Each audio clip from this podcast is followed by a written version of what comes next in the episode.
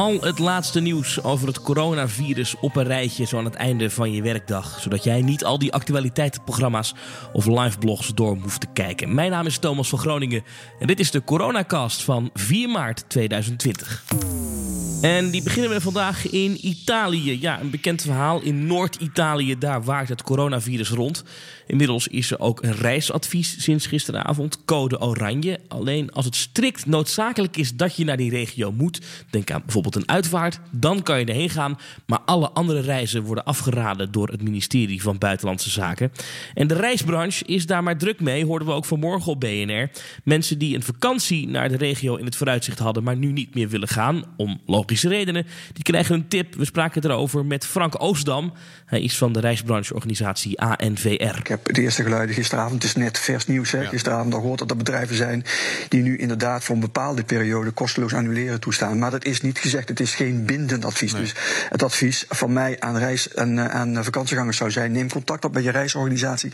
En dan uh, uh, krijg je daar meer informatie. Ja, maar wat nou als je al in Noord-Italië bent? Wat moet je dan doen? Moet je naar huis komen of moet je daar blijven? Nou, de ANVR zegt je moet zelf een afweging maken.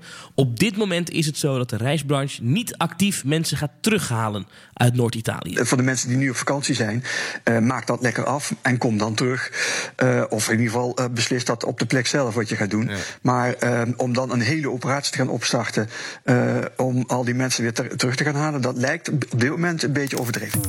Ook in Nederland zien we langzaamaan het aantal coronagevallen oplopen. En dat heeft ook gevolgen voor de laboratoria.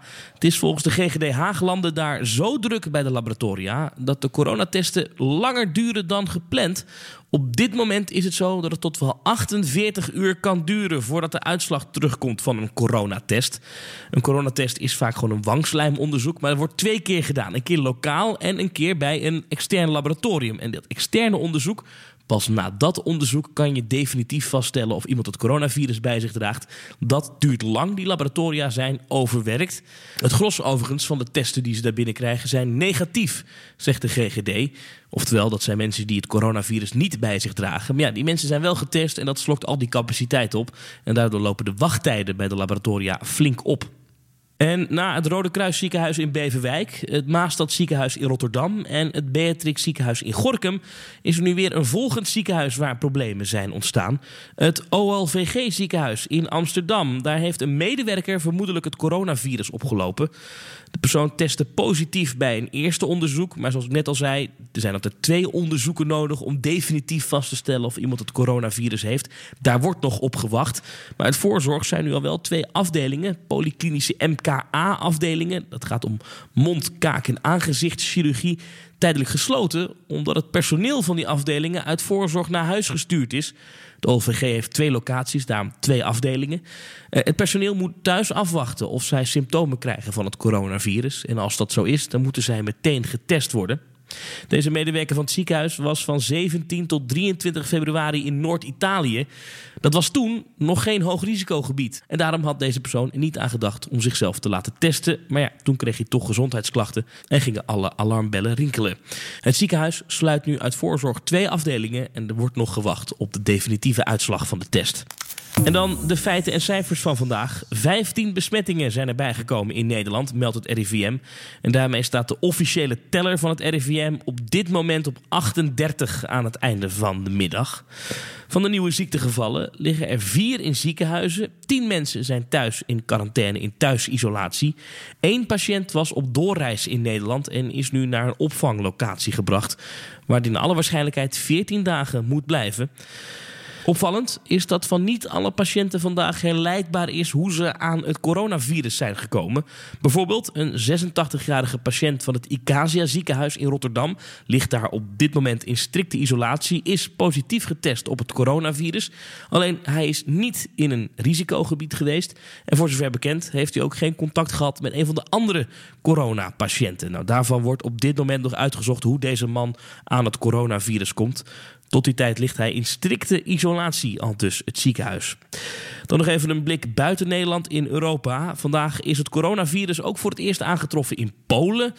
Duitsland meldde vandaag twee keer zoveel nieuwe besmettingen als gisteren. 41 nieuwe coronagevallen daar. Ook België kreeg weer met meer patiënten te maken. Daar acht patiënten erbij. En wat ook nog opvallend is, is dat hoewel het Songfestival zelf vooralsnog doorgaat, de baas van Eurovisie, het Songfestival, Jon Ola Sant, die komt niet naar Nederland. Op het kantoor van de Songfestivalorganisator is namelijk een coronageval geconstateerd.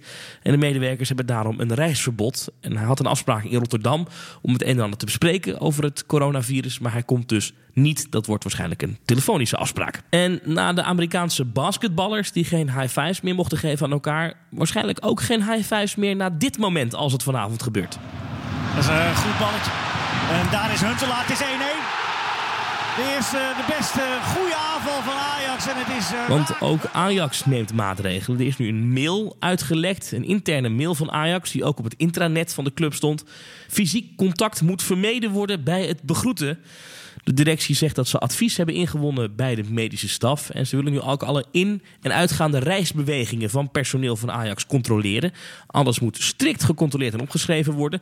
Bezoekers van trainingscomplex De Toekomst, maar ook van de Johan Cruijff Arena, die moeten strikt worden aangemeld. En als je niet aangemeld bent, kom je er niet in. De belangrijkste aanbeveling is hoest en nies in je elleboog. Was je handen regelmatig met zeep.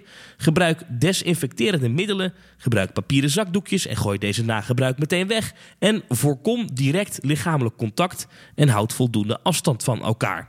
Nou, dit zijn natuurlijk logische tips die heel veel bedrijven hebben. Alleen ja, voor sporters die een belangrijke wedstrijd tegemoet gaan, ja, die willen elkaar nog wel eens een knuffel geven naar een doelpunt. Mag dat dan wel of mag dat dan niet? Het is even de vraag of de spelersgroep het mailtje ook heeft ontvangen en zich daaraan gaat houden. Um, overigens is het handenschudden ook bij tegenstander FC Utrecht in de ban gedaan vanwege het coronavirus in Nederland. Dus Ajax is echt niet de enige club. Tot zover de coronacast van woensdag 4 maart. En je weet dat wij hier altijd zeggen: goed je handen wassen. Zo zegt bij Ajax ook. En nies in je elleboog. Fijne dag.